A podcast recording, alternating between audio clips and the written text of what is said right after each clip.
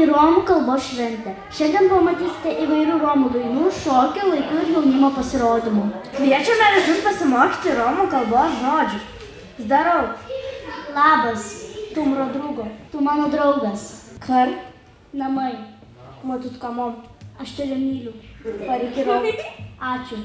Rū, vilkas. Dabar kvie, kviečiame į sceną, padėkime tapti vaikus, padainuoti Raciją Kalioną.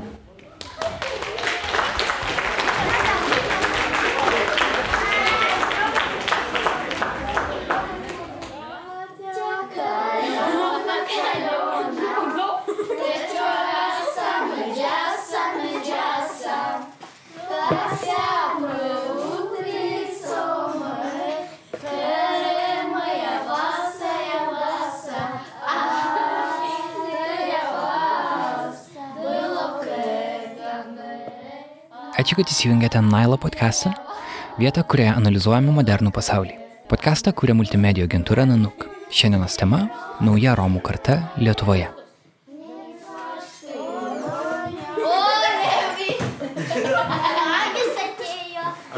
Prisijung.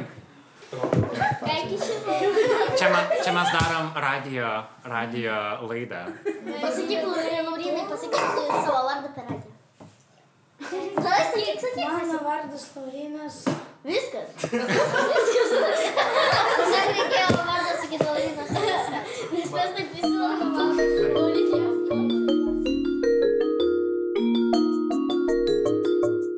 Iš studijos Vilniuje sveikinuosi aš, Karolis Višniauskas. Šį Nailo epizodą pristato Lietuvos žmogaus teisų centras ir Europos tinklas prieš rasizmą. Tradicinis mūsų rėmėjas yra Vilniuje įkurta naujienlaiškių kūrimo platforma MailerLite.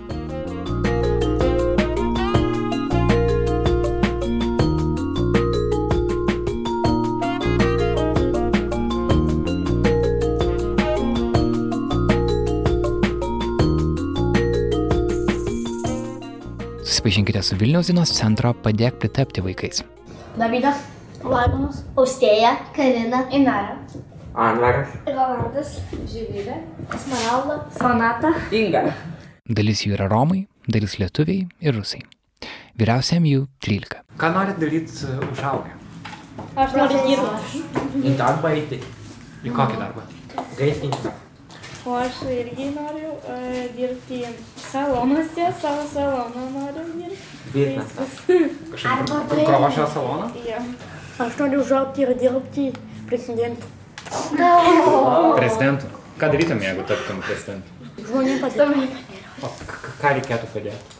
Nu, pinigus aukoti. Negalėtų šiaip jis būti, reikia tada gerai, super gerai mokytis, reikia eiti į universitetą, po to vaikščioti dirbti vieną darbą, antrą ir taip va siekti tikslo, kad būti prezidente kaip Dalia Grybauskaitė arba tas Brazauskas. O kodėl tas sakai, kad jis negalėtų būti, jisai dar gali daug Nu, darbų. gali, gali. Gali dėl to, nes jis ir dabar gerai mokosi, nu, dar normaliai tik su daugybą reikia nesukčiauti. Nu, toliau viskas gerai.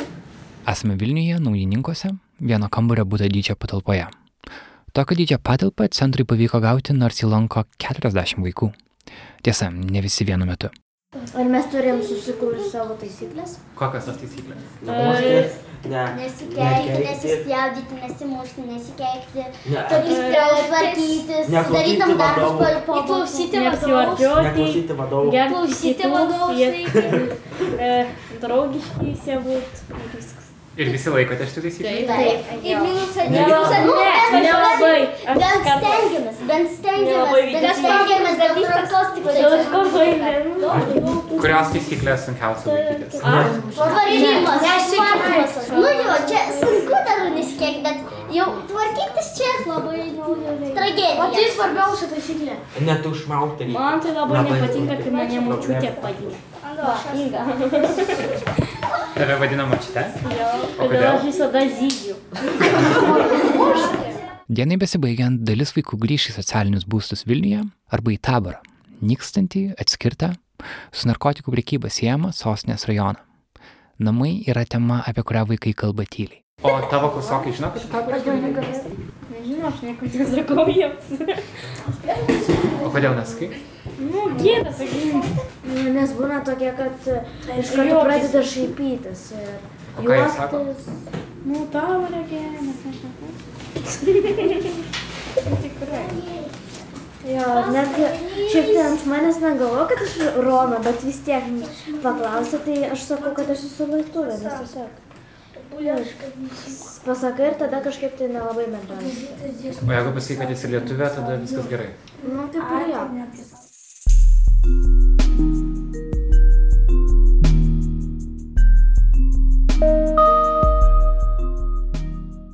Ilgametis gyvenimas atskirtyje Romus pavertė vieną skurdžiausių Lietuvos visuomenės grupių. Anot lygių galimybių kontrolieriaus tarnybos, 3 ketvirtadaliai Lietuvos Romų gyvena žemiau skurdo ribos, pusė Lietuvos Romų negali sauliaisti nusipirkti antros batų poros. Didžiai daliai Lietuvos gyventojų šie faktai nesukelia noro Romos padėti. Iš ties yra priešingai. Lietuvoje šiandien gyvena apie 2000 Romų, tai reiškia, kad dauguma lietuvių Romų tiesiog niekada nėra sutikę. Tačiau anot kol kas naujausios 2011 m. JFK apklausos, net 87 procentai Lietuvos gyventojų nenorėtų gyventi šalia Romų. Romai yra labiausiai nemėgstama tautinė grupė Lietuvoje. Nesunku suprasti kodėl. Esu portale Rytas LT, temoje Romai, žiūriu į antraštės, Čigonas Vilnius valdžiai, pašalpa per maža, reikia 500 eurų. Romų erzelinė vėl sprogdina garsų kaimą. Čigonai vagia vaikus, mito ištakos ir reikšmė. Ir pats tablariškiausias, tai bent šeiminėlė savo būstą pleškina krosnyje. Tai buvo straipsnis apie Kauno rajone gyvenančią Romų šeimą. Rengdami šį epizodą susitikome su tais Lietuvos Romais, kurie žiniasklaidoje įprastai neatsiranda. Su Vilniaus paauglė, norinčia būti policininkė, Lietuvos liaudės šokių laureatu iš Ukmergės kaimo, prie eišiškių gyvenančiais broliais, mechanikų ir vamzdyno tiesėjų. Jie yra jauni Lietuvos Romai, ieškantys savo vietą šalyje. Šiame epizode sieksime juos geriau pažinti. Bet dar pasilikime prie padėk pritapti vaikų, kurie išbėgo žaisti futbolą. Žaidžiam į krepšinį. Vienas, du. Karočią, mes keturiesi prieš visus arba gatvės. Eskimo prieš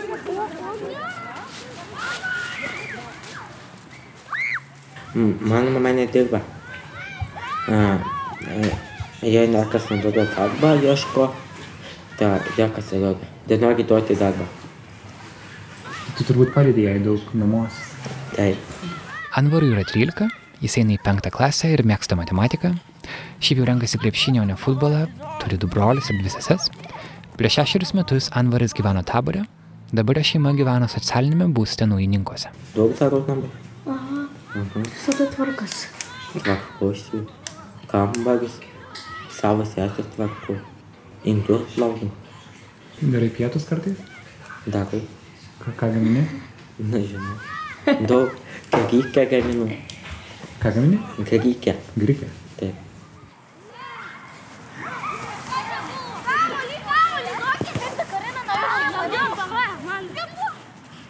Jo, Nes aš ir kita. būsiu ir turiu kurti šokį, kad visi vaikai žinotų, ką šokti, po kokio žingsnio.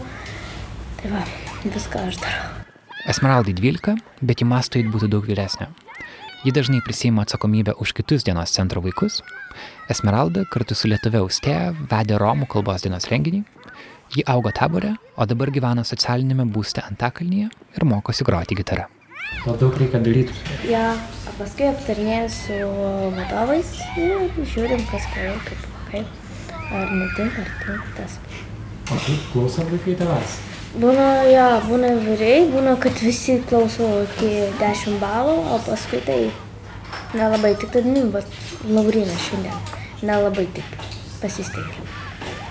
Susierzina tave tada tai? Jo, truputį susierzinęs, tiesiog aš, nu, jėgų dėjau, nu, norėjau, kad visiems gražiau sektųsi arba geriau padėt, bet, nu, tiesiog.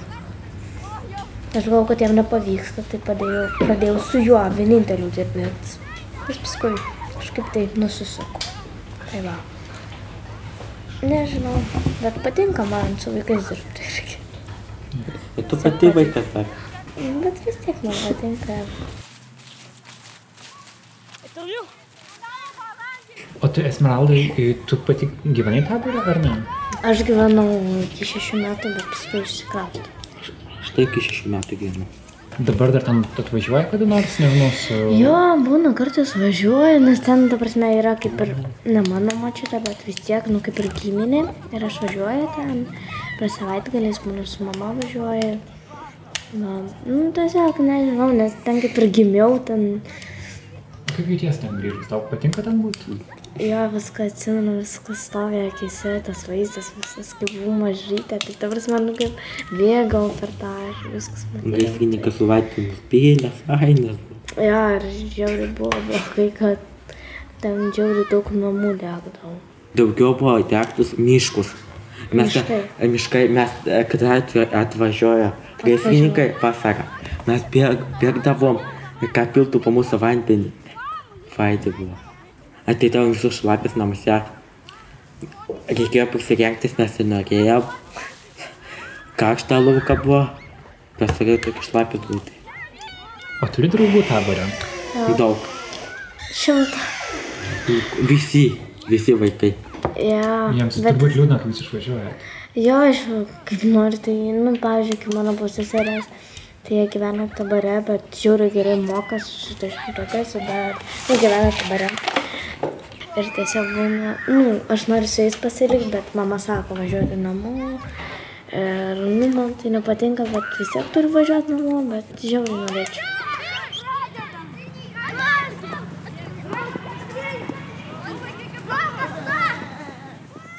Aš svajojau po mokyklos, nu, eiti studijuoti, o paskui po studijų turėti savo gražų saloną ir dirbti. Tai suprasti biznesą nori savo. Taip. O gerai būtų. Ateidavo pas teisę tą nemokamai. Aha. Kodėl gražas saloną? Nežinau, nes man patinka pinti, a, madingai kaip ir rengtis, ir, nu, viską gražiai patinka daryti. Apie ką tu svajojai? Aš? Ja. Aš noriu, kad rastų savo gerą darbą. Ir padėti savo šeimai. Mamai. Mamai padėti savo broliui. Ir užaugę norit Lietuvoje? Ne, aš noriu visur vykti, bet, nu, tuksme, kaip išeis. Aš noriu išvažiuoti į Angliją, mokintis ten. Gal ten darbą rasiu, žmonos rasiu. Čia kauju. Viskas. Gerai. Ačiū Jums. Jums. Ačiū Jums, viso gero. Net tai neišleida, bet čia būsiu. Dar. kaip sakote, viso gero. Nors dar man aš įmušė, bet vis tiek laimėjom. Mes laimėjom. Mane. Tu pažiūrėk, tai tik dangus, tu paklausyk, tai apie mus. Lyja mūsų čia lietus ir šis pasaulis nuostabus.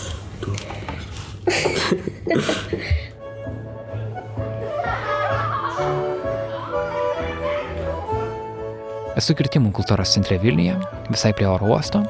Toliau tęsiasi Romų kalbos dienos renginiai ir čia pamatau šokantį Ruslaną.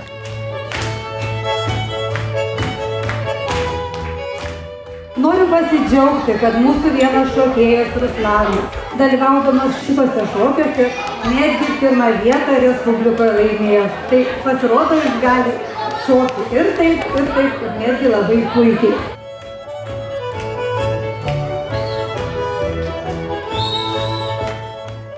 Nu, ten patrepsinė, tai pavyzdžiui, mane išrinko pirmūnų ir paskui dar reikėjo važiuoti man su dideliais. Tai yra, nu, tai su suaugusiais. Jau pažengusiųjų, aš buvau pradedančiųjų tik tai. Nu ir aš to- tokį šokį dirižablį laimėjau, tai va, nepatikėjau kažkaip tai. Taip eina jie ten su to blizgučiu, taip, taip apsuko, apsuko, galvoja, kad jos surinks, ai galvoja, nesistengsiu, pasistengiau daugiau biški. Jie ir ap- prie manęs priejo, taip apsidžiaugiau. Tai va, dar aš egz- dar dainuoju provincijoje, kapėlos Antakalnį ten. Mes visur važinėjom. Mūsų šeima visa yra artistai. Mano tėvas irgi su manim dainuoja toj kapėloj ir mes labai gerą balsą turim. Ir namuose repetuojam, šokam čigoniškai, mes nusipirkom aparatų, mikrofonų, visokių gitarų, būgnų, pas mus daug kas yra. lietuviški šokiai skiriasi nuo čigoniškų šokių? Žiauriai skiriasi. Pavyzdžiui, ten šokti trepsi, o ten, nu, judi, judi te, nu, kažkaip gal ir nesiskiria, nežinau, bet, nu, biški čigoniškas judresnis šokis labai sunkus, jis toks, va, šokį tu, nu, paskui kojas tau žiauriai skauda, o ten tai ne, ten tai pašokį, palinksmin, taip toliau. Bet čia, Lietuviškas paprastesnis. jo, čigoniškas labai sunkus.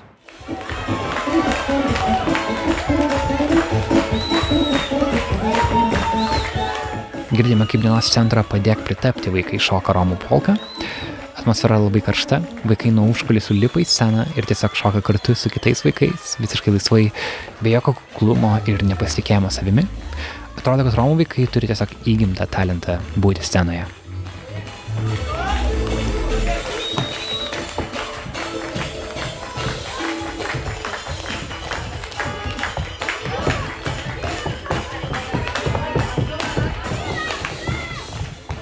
Va, mes atvažiavom su tėvu vieną kartą važiavom į ten į Dainavą, ar kur ten važiavom dainuot. Ir ten tokie seniai, mes taip stovim prie jų, o jinai sako, atsargiai čigonai yra, žiūrėk, sako, gali kažką pavogti ir taip toliau. Mes tiesiog pradėjom su tėvu žvengti, mums toks jokas žema, kad kiti žmonės apie mus taip mano. Nežinau, kai kurie lietuviai yra geri, kai kurie ne. O buvę tau, kad kažką lietuviai padarė? Nu, ne, bet buvo ten čigonas, ten vagys, tu taip toliau ir taip toliau. Bet aš neįimu į galvą. O kada jie taip sakė? Nu, pavyzdžiui, kaip aš šoku, dainuoju, važinėju, man gėda, nes aš esu čigonas, o ką padaryti, jeigu aš esu toks žmogus. Bet tai nežino mano... Tu nu, atvažiai šokių konkursą, ar ne? Jo. Sako? Nu, ten, ten pašoki, pašoki, išeini kažkur, tai vienas, ten atsigert vandens ar dar pykina ar dar kažką. Tai prasideda taip, va, kiksmažodžiai ir taip toliau, bet aš neįimu į galvą. Buvo iki muštynių nueita kada? Aš lankau kickboksą, bet tikrai ne, nesimušu, tik tai gynimui. Ruslanas gyvena prie ukmergės esančiame trečiojo Antakalnio kaime. Šis kaimas ypatingas tuo, kad jame gyvena net kelios Romų šeimos, nors pats kaimas yra labai mažas. Šios šeimos gavo socialinius būstus ir persikrustė juos, kad vaikai būtų arčiau mokyklos. Kaime įkurtas vaikų dienos centras, kur Romai ir lietuviai vaikai kartu mokosi ir žaidžia. Mūsų tikslas yra, kad Romų tautybės vaikai baigtų pagrindinį įsilavinimą. Pamokų ruoša, pagalba ruošiant namų darbus, užimtumas po pamokinis. Sako centro vadovė, pradinių klasių mokytoja Edita Lelykienė. Ir kaip sekasi uh, Romų vaikams Oi, Pradžia buvo labai sunki. Iš pradžių, norint, kad Romų vaikai ateitų į mokyklą, patys mokytojai juos į mokyklą ir atveždavo. Pirmiausia būdavo taip, kad skambinam, kur Jonukas. Jonukas guli, ta, ta, ta. Tai vad sakau, Jonuk laukiam, pasakykit, kad mes jo laukiam į mokyklą ir jis neteina. Ir sakom, jeigu tu netvyksi, mes tada atvažiuom tavęs pas tavai į svečius. Tai ir būdavo taip, bet nu, netoli, kadangi mes labai lauk- laiką taupom, tai sėdime mašiną ir nuvažiuom, nes kitoje kelio vos nepusė, netoli. Bet vis tiek jūs, jeigu jums nerūpėtų, jūs galėtumėte pasakyti, ai, netėjo, tai netėjo pats kaltas. O, nu, žinok, tikriausiai va taip, kad... Bet jums nu, rūpi, man čia... įdomu, kodėl. Aš nežinau, nu, man tai iš vis tie vaikai buvo kažkoks atradimas. Aplamai dirbti su kažkokia kita. Nu kaip ir su visais, mes nebeiskyrėm net tas ar tas. Bet aš mačiau, kad jiems reikia pagalbos, jiems reikia suvokimo, jiems reikia tų pirmųjų tokių žingsnių teisingų, kad jie suprastų, ką mes čia darom. Ir, ir tiesiog rodėm. Ir, ir viskas geranoriškai vyko. Ir tas jaunukas atėjo ir be kuprinių. Ir O kaip, kaip, kaip, kaip lietuviai vaikai priima Romus vaikus? Yra kažkokia... Pradžioj trintis? buvo visko. Pirmiausiai žiūrėjau, buvo koks požiūris buvo lietuvių tėvų į tas šeimas. Bet kai visi nurimo, tai tada jau mes irgi, mes irgi didelį indėlį darėm iš susirinkimo metu ir kalbėjom, kad tiesiog priimkim tokį, kokie, kas, kas šalia mūsų yra, nes tu nežinai, kur tavo vaikai nuvažiuos į užsienį, į Angliją, toks pat požiūris bus ir į jūsų vaiką.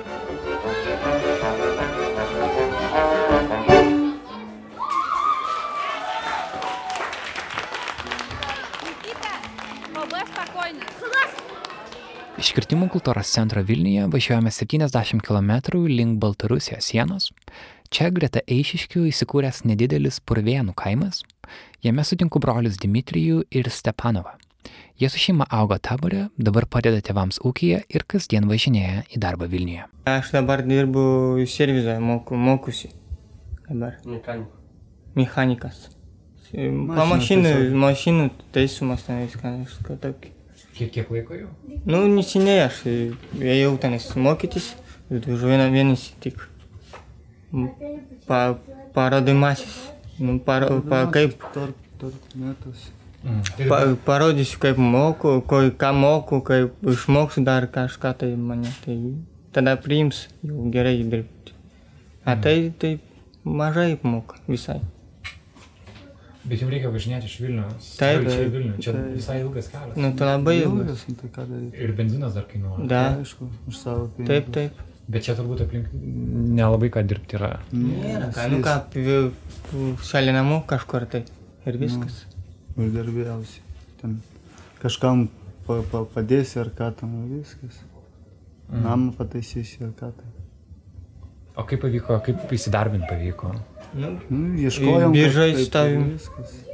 per draugus dar pasiklausimų ar ką, ką. Draugai pa- padėjo daug. Pavyzdžiui, aš moku dirbti su mašinams, aš ėjau per ten servizus, gal kažką tai reikia padėti, galiu parodyti, ką moku, galiu, pa, pavyzdžiui, kokį vieną e, savaitę padirbti taip, parodyti, kaip moku ir viskas. Nu, va, tai. O kaip tu išmokai taisyti mašinas?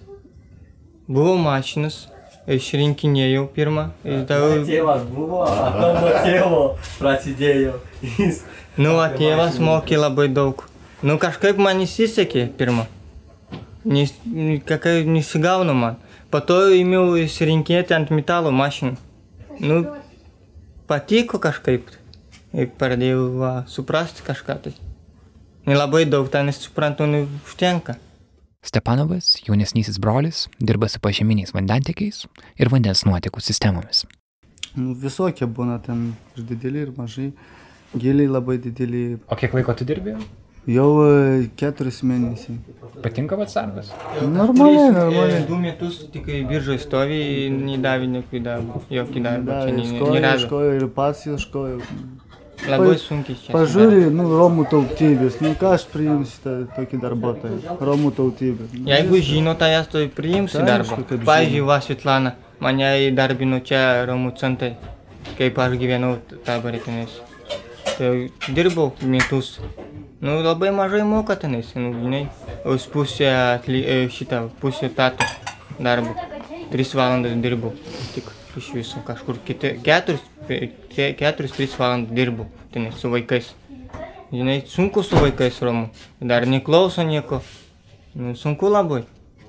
O tiskai nepriima į darbą, jeigu pamato, kad esi romas? Taip, taip. O taip yra buvę? Ne vieną kartą. kartų buvo taip. O kaip gali papasakoti, ko- ko- kokie darbai buvo? Nu, pavyzdžiui, statybėse buvo, buvo servizė. Tai kaip tu ateidavai? Taip, su, Susitikti? su, susitikti, taip, kalbam per telefoną. Gal, sako, galite atvažiuoti, pa, paskantosim, pasikalbėsim, tada priimsim gal. Nu, atvažiuoji ir nieko. Vieną kartą va su draugu važiavom į, į Maksimą, Akropolisė tenais dirbti. Nu, užsirašėm tenais viską. Sakė, paskambins iki va, iki šiandien, nepaskambin. Tris mėnesiai laukiu skambučio ir nieko ne- nepasakė, nepaskambino. A darbuotojai reikalingi. A, niekas neskambino. Tai jums nepasako, kad jūs nepriėmė dėl to, kad... dėl Ne, jie nesako. Bet jūs manot, kad... A, dėl ko dar? Dėl ko dar, ką mes ski- skiriamės, nu ko dar. Veidą čigonas. Čigonas ir viskas. Gal ba, baltą spalvą turėčiau veidą, gal nes- nesakyčiau, kad čigonas, tada priimtų. O kaip priėmė šitas servisas tada? tada? E, Ten esu kie- kiek metų taisiau mašinų, pamatė, ką aš e, normalius, kaip čigonas normalus. Sakau, nu svarbu, koks tu būsi. Gerai, kad būtų e, žmogus geras. Viskas. O kaip tau pavyko įsidarbinti? Mane draugai padėjo mane įsidarbinti. Kurie ten dirbo jau? Taip, čia šito kaimo. Labai geri draugai tai padėjo. Tai- Rekomenduoja ir padėjo. Tai irgi kiti romai ar, ar, ar, ar lietuviai? L- Rusai. Taip. Tai šito kaimo tai padėjo man. Pavyzdžiui, rusai geriau priėmė čigonus, a lietuvių nelabai. Ne- ne- Pas mus darbė tik rusai. Pas mus rusai, va, o dar e, Lenkiai dabar čia gyvena labai gerai. Mes sutarėm su rusai, Lenkiai, dar Belarusai gerai Kodėl sutarėm. lietuviai nepriėmė? Nu, nežinau, Gal blogai ką nors padarė čigonai jiems? O jūs esate kad nors padarę kažką blogo lietuviam? Ne, nemanau. Prie pokalbio prisijungė Dimitrijaus ir Stepanovo draugas Valdas. Šiandien jis skraido dirbti į Junktinę karalystę, bet iki 13 metų gyveno taborė. Vaidis patyrė skaudžiausią taboro pusę. Mano tėvas 30 metų vartoja, mirė. Mano brolis dabar e, gyvena Anglijoje, taip pat vartoja. Nu, čia reikia supra, suprasti to, kad žmonėms reikia pagalbos. Nepaisant to, jis nenori matyti, kaip taboras Vilniuje nyksta. Kaip jums pasakyti, aš moku geriau truputėlį angliškai, ali ne, negaliu taip jums pasakyti, suprantat? It's been before different people and better people. Is nobody left in, in Gypsy Town, in uh, Roma Town in Vilnius. I don't want these drugs. I, I'm, I'm, I'm not fan of these drugs like some people selling. They, they get what they deserve. But some people, they are not selling. And some people go and behind the houses put things and then they call the police and the police come and take them for 10 years to go in prison, six years, seven years. And they taking the houses away. There's nothing left now. Taboras taip neliko, kaip jis buvo anksčiau. Toks e, nuostabus. Čigonai turėjo arklius, šoko, e, burti, kaip, kaip, kaip generacija nuo generacijos darė anksčiau. Ir gyveno gerai su lietuviais. Ką daryti su Vilniaus taboru yra klausimas, dėl kurio nesutarė ir tie žmonės, kuriems rūpi Lietuvos Romai. Daugelis jų sako, kad taborą reikia išformuoti, nes ten gyvenantis Romai tarsi uždaromi į getą. Jie atskiriami nuo likusios visuomenės, atskiriami nuo mokymasi ir tiesiog nuo savo ateities. Vis dėlto susitikęs su purvienų vaikinais išgirdau kitokį požiūrį į taborą. Jiems tai visų pirma yra Romų tautos namai. Tad kodėl kažkas turi turėti teisę juos atimti? Į taborą grį, grįžta dar kartais Taip, aplankyti? taip, draugų tenais daug turim. Labai. Ro, giminės turim tenais. Ir, mm, nežinau, džiaugiatės, kad čia gyvenat, ar norėtumėt geriau taborį gyventi? Nu, žinai, e, tenais linksmiau, draugų labai daug. A čia vis tiek e, e, tie draugai rusai arba Lenkijai. Nu, ne taip su tai, vis tiek kažkaip. Bet tokio namo turbūt taborį negalėtumėt turėti. Niekad turbūt ne. Kodėl? Tenais, tenais iš- iš karto sugriautų, turbūt. Ten geriausia namė ir jeigu turi, viskas ateina pašūrys, vis kartu greuna. Kas greuna? Nu, policija. Savivaldybė. Dar? Zokas, kas tenais greuna, aš nežinau dabar. Atvažiuoja su policija neleginis statinys, sugriauna viską ir viskas. Ir gali gyventi laukia. Yra jūsų draugams sugravę? namus? Taip, daug namų. Labai daug tenais namų sugriavę. Tenais Kažkur kažkur, ten- kažkur tik liko. Buvo 40 na- namų, dabar liko kokių 15 namų. O toks skirtumas Labai kažkur tai. Čigonų taboras turi likti, e, todėl žmonės gyveno 40 metų, 50 metų gyveno, suprantat? Ir e, todėl čigonų taboras dinksta visi į visų šalis, kur nėra šalis ki- kitokios, į Angliją, yra e, Francija, į visur parduoda viską. Nu, namus negriauna žmonės žino, pasėjama, pastatė į kalėjimą, a, namus negriauna, nieko nedaro, kaip čia Lietuvoje. E, čigonai vieni parduoda, visi čia Lietuvoje, kuriuose, e, kur parduoda narkotikus, negriauna namus, kodėl į Vilniuje negriauna namus. A kodėl į, taborą tiek namų, tiek žmonių buvo, visus žmonius už kalėjimą, visus namus nugrevė, 25 namus. Nėra tiesa, nėra.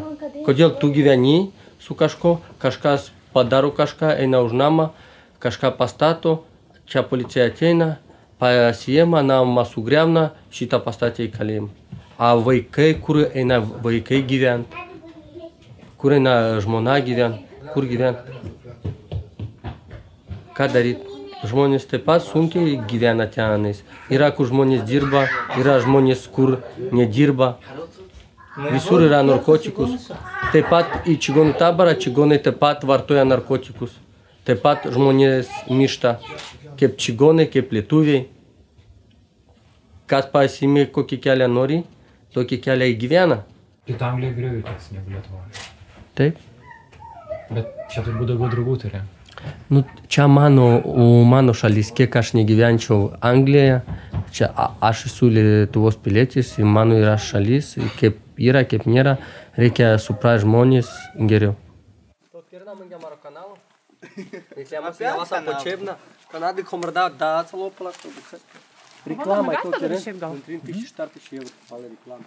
Visus šio epizodo pašnekovus fotografavome, nuotraukas galite pamatyti tinklalapyje naila.lt, o taip pat nuo kitos savaitės pradžios ir tinklalapyje manoteisės.lt.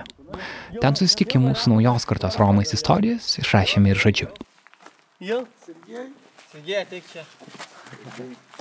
Va, mano brolis, tai mes gyvename toliau. Čia mano brolis. Primenu, kad šį nailą epizodą remia Lietuvos žmogaus teisų centras ir Europos tinklas prieš rasizmą. O nuolatinis podcast'o rėmėjas yra MailerLite, Vilniuje įkurta tarptautinė naujienlaiškių kūrimo platforma. Žiomi rodžikiu, himai jau čia mūsų, bet kai žinai. Na,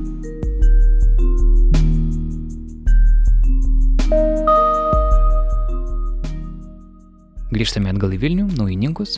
Čia sustinkame su Lora. Kitais metais baigsiu 10 klasių. Planuoju šiaip į užsienį tęsti mokslus. Kad norėtum studijuoti? Norėčiau būti policininkė. Policininkai, kodėl? Na, tiesiog man patinka ta profesija. Nors iš tikrųjų Romų tautybei mes nelabai galim būti policininkais, nes tai skaitosi, kad tu esi išdavykė, bet aš tai neskaitau. Kaip manai, jeigu būtum policininkai, ar galėtum sugrįžti į taborą? Ne, iš karto turbūt išvarytų. Bet ar tu manai, kad policija dabar sąžiningai elgesi taborė? Žinai, gal taboro žmonės turi priežastį nemėgti policijos? Na, policininkai iš tikrųjų vieną kartą mačiau, kada suėmė narkomaną vieną ir ten buvo bala ir jie kažkaip tai bandė taš, tą balą jam taškyti ant veidą. Aš pati tai mačiau ir daug girdėjau istorijų, kad jie muša netgi. Ir neseniai mačiau laidą yra kaip yra. Ir ten buvęs narkomanas pasakojo, kaip jie elgesi. Netgi sako šok arba muškitės, kad juos vien tik paleistų. Tai tu tarsi norėtum būti tokia geresnė policininkė. Taip, žinoma. Lora šešis metus gyveno taborė, kol vieną dieną jos namas sudegė. Bet ji to džiaugiasi. Jis sako, kad Jeigu aš gyvenčiau taborė, galbūt aš nežinau, aš tekėčiau arba nesimokinčiau. Tiesiog nes vis tiek tas taboras daro biški tokios įtakos. Jo, ir, nu, galima sakyti, kad nauninkose užaugo. O tai kaip buvo, jūsų namas sudegė ir tada jūsų šeima turėjot persikraustyti e, kažkur, nežinau, turėjot Jo. kitur rasti namus kažkur kitur. Mums davė ten socialinį būstą, kuriame mes dabar gyvenam. Savivaldybė. Lora lanko gatvės šakius ir mokosi vokiečių kalbos, nes nori ten studijuoti. Taboras jai atrodo tarsi tolimos vaikystės prisiminimas, bet nepaisant to, ji čia vis dar grįžta mokytis matematikos. E, Ten yra mokytoja tokia, tai man padeda. Mes seniai irgi pažįstami esam, nes kaip sakiau, mano močiutė ten dirbo, tai per savo močiutę galima sakyti, kad susipažinau. Ir tiesiog kažkaip tai vieną kartą ji man pasiūlė nu, padėti matematiką, nes man nelabai matematika sekasi. Ir aš sutikau, tai jeigu aš nesuprantu tos matematikos, tai aš ateinu pas ją, ji man paaiškina. Kiti žmonės bijo į taborą važiuoti, nes sako, kad ten labai nesaugu. Tu pa, pa, pati ten važiuoji drąsiai, kaip suprantu. Na, aš nebijau, man nėra ko bijoti, na, aš galvoju. Gal kiti žmonės bijo, kad ten daug narkomanų yra, gal todėl, nežinau aš. Bet aš tai nebijau. O kai tavęs, um, pavyzdžiui, kai tu susipažįsi su žmonėm, ar tu sakai, kad tu esi lietuvė, ar tu esi romė, ar čigonė, kaip tu sakai? Um, aš sakau, kad aš turiu to čigoniško kraujo. Nu, aš neslėpiu to, ko, kad aš turiu to čigoniško kraujo. Nors anksčiau buvo man labai gėda sakyti, kad aš turiu to kraujo, nes žmonės iškart galvoja apie tave blogai. galvoja gal, kad tu kokia vaigylė ar dar kažkas. Tai anksčiau slėpdavau, bet dabar aš drąsiai sakau. Tavo klasiokai žino? Taip, visi žino. Mm. Mm. Planuoji grįžti į Lietuvą po studijų? Mm, Nežinau, iš tikrųjų. Šiaip aš labai myliu Lietuvą ir aš džiaugiuosi, kad čia būtent gimiau. Tiesiog galbūt labiau dėl tų finansų aš ten į Vokietijas noriu studijuoti. Dėl, dėl Vokietijoje geresnio atlyginimo? Taip, tik dėl to, bet šiaip nenoriu aš ten važiuoti, tiesiog dėl mokslų. Grįžtame į Padėk pritapti dienos centrą, su vaikais kalbamės apie jų laisvalaikį. O mes su savo klasiokė lankom komuniją. Važinčia važiuojame kartais. E, Ir įlanką ir mes lankom. O ką jūs ten turite daryti? Nu, ten e, kalbam apie Dievą, kur Dievas gimė. Ten. O šiaip einate į bažnyčią, pavyzdžiui, Jo. Taip. Einam. O jums patinka ten? Mane. Nežinau, dar nebuvo. Aš nežinau. Myšius labai Juokauju, buvus ten džiauriai tyliai būt. Ten džiauriai tyliai reikia būti ir ten vaikščioti negalima. Degint, nu, ten žakutis yra. Ir labai įdomu, aš vaikščiau per visą bažnyčią, labai įdomu ten. Man tai patinka, net labai baisu. Baisu? Jo, Kas baisu? nežinau, gal kažkoks vaiduoklis, nežinau aš. Nu, Pas mane kaip buvo kap, kapinėse ir man vaidinasi vienas kažkoks senelis. Ir aš labai įsigandau ir nubėgau į mašiną ir sėdau ten visą valandą. Ten mano mama ir tėtis tvarkė savo mamos. Mama, man, o, o mama savo mamos e, tvarkė kapinės, o, o tėtis savo brolio. Ir aš negalėjau, man baisu buvo. Dienos centras yra užuovėje Romų vaikams, kurie gali jausti saugus ir iškirsti. Centro vadovės Inga Kreivienė ir Živilė Aleksiūnaitė tokios vizijos ir siekia. Dirbti su vaikais demokratinės mokyklos principu. Aš manau, kad e, kiekvienas žmogus pasijunta saugus ir svarbus tada, kai jis yra įtrauktas į visą e, bendravimo ir bendradarbiavimo procesą, tada kai patys vaikai pasijunta, kad jų sprendimai yra svarbus. Nes pavyzdžiui, visą dienos centro tvarką, taisyklės, stovyklas ir, ir visą programos kūrimą e, mes darome kartu. Tai nėra, kad aš su Živilė nusprendžiu, ko vaikams reikėtų, bet mes paklausim, ko jie norėtų. Inga su Živilė įstikinusios, kad dirbti su Romų vaikais yra būtina, jeigu norim, kad jie turėtų daugiau ateities galimybių. Kirtimuose gyvena apie 300 vaikų, kuriem niekas nepadeda, su kuriais niekas nedirba, kurie iškritę iš švietimo sistemos, na ir tokie tarsi apskritai neegzistuojantys žmonės. Tai grupelė entuziastų nuvažiavo į taborą, pradėjo užmėgsti ryšius, ieškoti, ieškoti šeimų, kam galėtų padėti, tai tiesiog belsdavosi į namų duris pradėdavo kalbinti, e, bendrauti su šeimomis, e, atvažiuodavo į namus, padėdavo ruošti namų darbus, e, siekiant būtent susipažinti pirmą su šeimomis ir įgyti tėvų pasitikėjimą, nes na, mes nesam Romai ir, ir tas toksai kultūrinis skirtingumas ir, ir, ir požiūris vienų į kitus, na, toks nutolimas tikrai buvo labai didelis. Kalbant apie Romų šeimas, tai, tai labai yra glaudus ryšys e, būtent tarp šeimos narių ir tėvai labai saugo vaikus ir ypač po tam tikrų įvykių kirtimuose, jeigu ten yra kažkoks, na, nežinau, nugriautas namas ar kažkokius susidūrimai su policija, tėvai labai pergyvena dėl savo vaikų ir kartais juos bijo leisti į mokyklą, na, nes maždaug nežinai, kur kas gali nutikti. Būtent po, po vieno iš tokių nemalonių įvykių kirtimuose, nes ten vieno šeimos namas buvo padegtas, mes atsivedėm to šeimos e, mergaitės į dienos centrą, na tiesiog su vaikais jau patys už, e, užmėsgėm ryšį na, ir kažkaip nepagalvojom, kad dar tėvam nėra informuota ir, ir pasikvietėm vaikus čia ir atvažiuoja tėtis po pamokų pasimti vaikų iš mokyklos, o jų nėra. Ir kažkas pasako, kad e, vaikai atėjo į kažkokį dienos centrą, apie kurį niekas dar nežino. Tik patys vaikai jau kuris laikas eina. Na, tada tas tėtis mūsų surado, įbėgo čia, labai visas piktas. Tikrai galvom, kad bus problemų.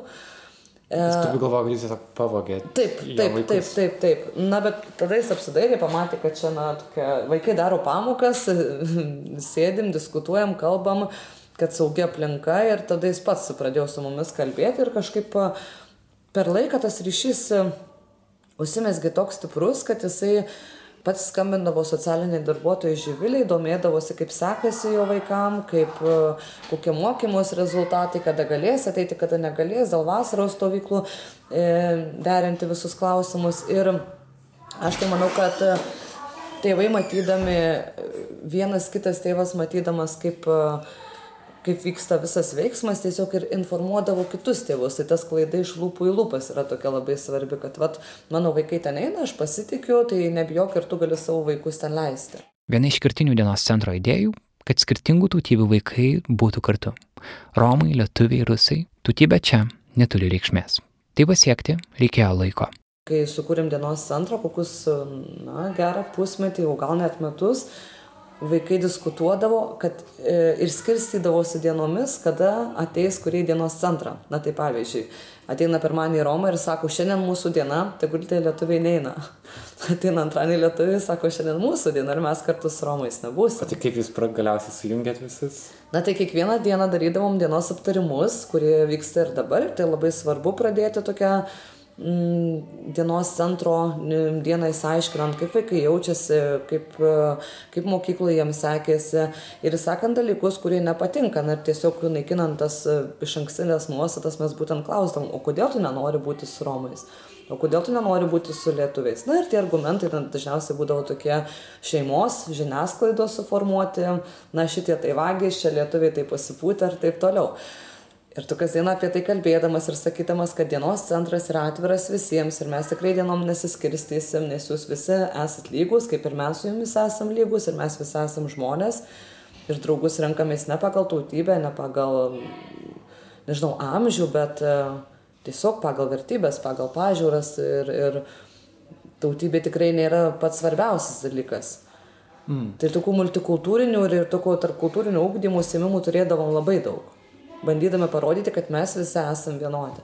Padėk pritapti dienos centrais yra Rusija, kaip minėjau, nedidelėje vieno kambario dydžio patalpoje. Virš jo yra atsilaisvinusios naujos didelės patalpos, kurios galėtų būti skirtos šiems vaikams, tačiau pagal dabartinį planą greičiausiai ten bus įrengtas privatus darželis. Romų vaikai tiesioginė žodžio prasme bus susispaudę po juo.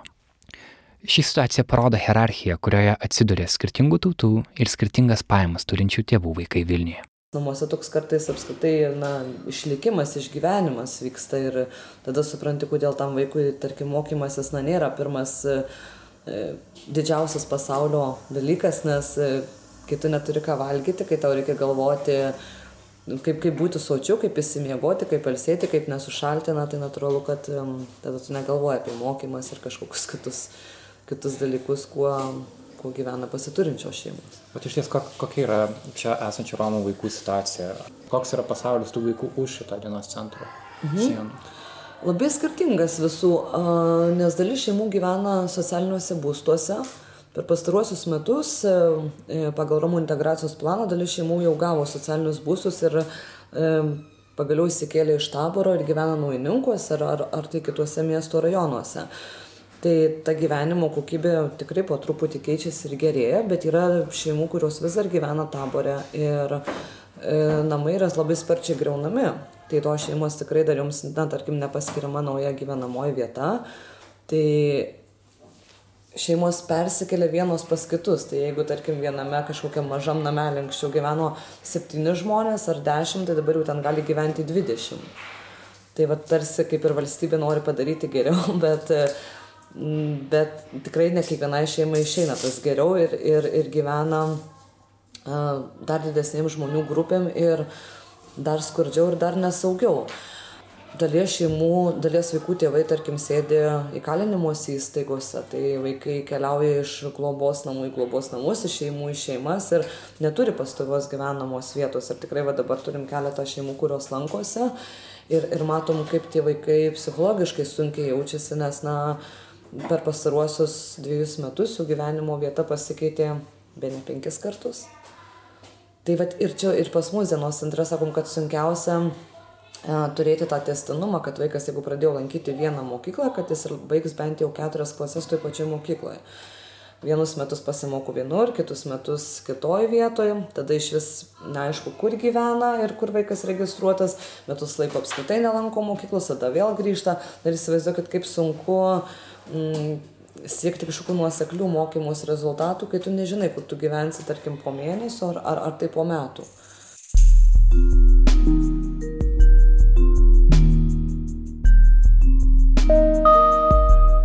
Paklausiu Ingos ir Živilės, ar jų darbas nėra beviltiškas? Ar nebus taip, kad vaikams užaugus jie bus įtraukti į tą patį skurdą kelią, kaip daugelis jų artimųjų prieš tai? Jos apie tai daug masto, tačiau mato perspektyvą. Taip mes esam tarsi tokia viena didelė šeima ir, ir prisimeta atsakomybę, kai jog tai būtų tarsi tavo vaikai ir tu jauti nerimą dėl jų ateities, nes mes suvokiam, kad ateisim ir paauglystės laikas ir, ir tos šeimos tradicijos, kurios veikia, tarkim, Romų mergaitės ir ankstyvos santokos, kurios vis dar yra ir, ir taip giliai įsišaknysius, kad mes esam bėgęs pakeisti tą situaciją. Ir kai tu matai, kad, tarkim, vaikas nori pas tave nori pas tave lankytis, ateiti ir, ir supranti, kad dėja jo griežta tradicija greitai užkirstam kelią, tai daug tokios nevilties atsiranda, nes mes suprantam, kad mes nesam pajėgios ir, ir, ir tik tai savanoriai arba tarkim dienos centras kaip po kaip, kaip po įstaiga nėra pajėgi užtikrinti jų laimingesnio gyvenimo, bet turim vilties, kad su metais na, keičiasi pačių vaikų ir tėvų samoningumas. Ir jeigu tikslas buvo įsteigus dienos centrą, kad vaikai baigtų keturias klases, taip tai buvo toksai mažas tikslas, dabar jau turim didesnį tikslą ir patys vaikai nori baigti ne tik keturias, bet nori ir, ir 10 ir 12 klasių baigti. Ir yra tų vaikų, na, kuriais mes tikrai tikim, kad jie baigs tas 12, tarkim, įgis, nežinau, kolegijų kažkokį įsilavinimą ar profesinį ir pavyks integruotis į darbo rinką vėliau. Jo, ir dienos centre ir pamato, kad yra tų galimybių. Vat, mes ir vis tiek daug išvažiuojam, daug bendravom su vairiais žmonėmis. Vaikus, iš užsienio taip. savanoriai ateina į stovyklą, į užsienį buvom išvykę su keliais vaikais. Kur tai buvom Vokietijoje. Tai jie pradeda suvokti, kad iš tikrųjų jie gali irgi dirbti, jie gali pasiekti, nu, kad tai nėra ta, tas jau tavo likimas nulemtas, bet kad tik santoka ir, ir, ir šeima, ir vaikai, ir daugiau, kad negyvens būtinai kaip tėvai gal gyvena. Aš taip galvoju, kad mes jiems tokias sudarom galimybės pamatyti ir tokį platesnį jau požiūrį turėti, kad nu, viskas iš tiesų nuo požiūrio prasideda. O jie kitaip masto, jie kitaip mato. Tu pažiūrėk, tai lyg dangus, tu paklausyk, tai apie mus ir lyja mūsų čia lietus. Ir šis pasaulis nuostabus, tu pažiūrėk, tai tik dangus, tu paklausyk, tai apie mus ir jų taip gera būt kartu, turi senų gerų jėgų. Yeah!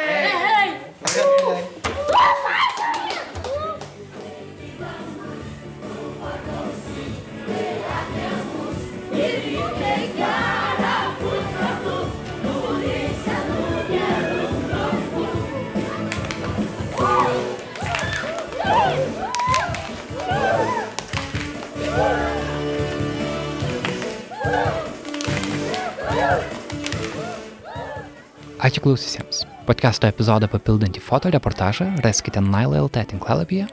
Fotografijų autoriai yra Berta Tilmantaitė, Artūras Morozovas ir Audra Avižiūtė.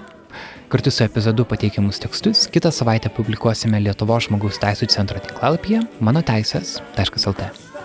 Epizodo garsą įrašinėjo ir redagavo Kata Bitoft, o mūsų muzikos autorius yra Martinas Gailius iš Soda Sounds. Epizodą sukurti padėjo Lietuvos Romų centro direktorė Svetlana Novopolskaja ir žmogaus teisų centro projektų vadovė Simona Gaidytė.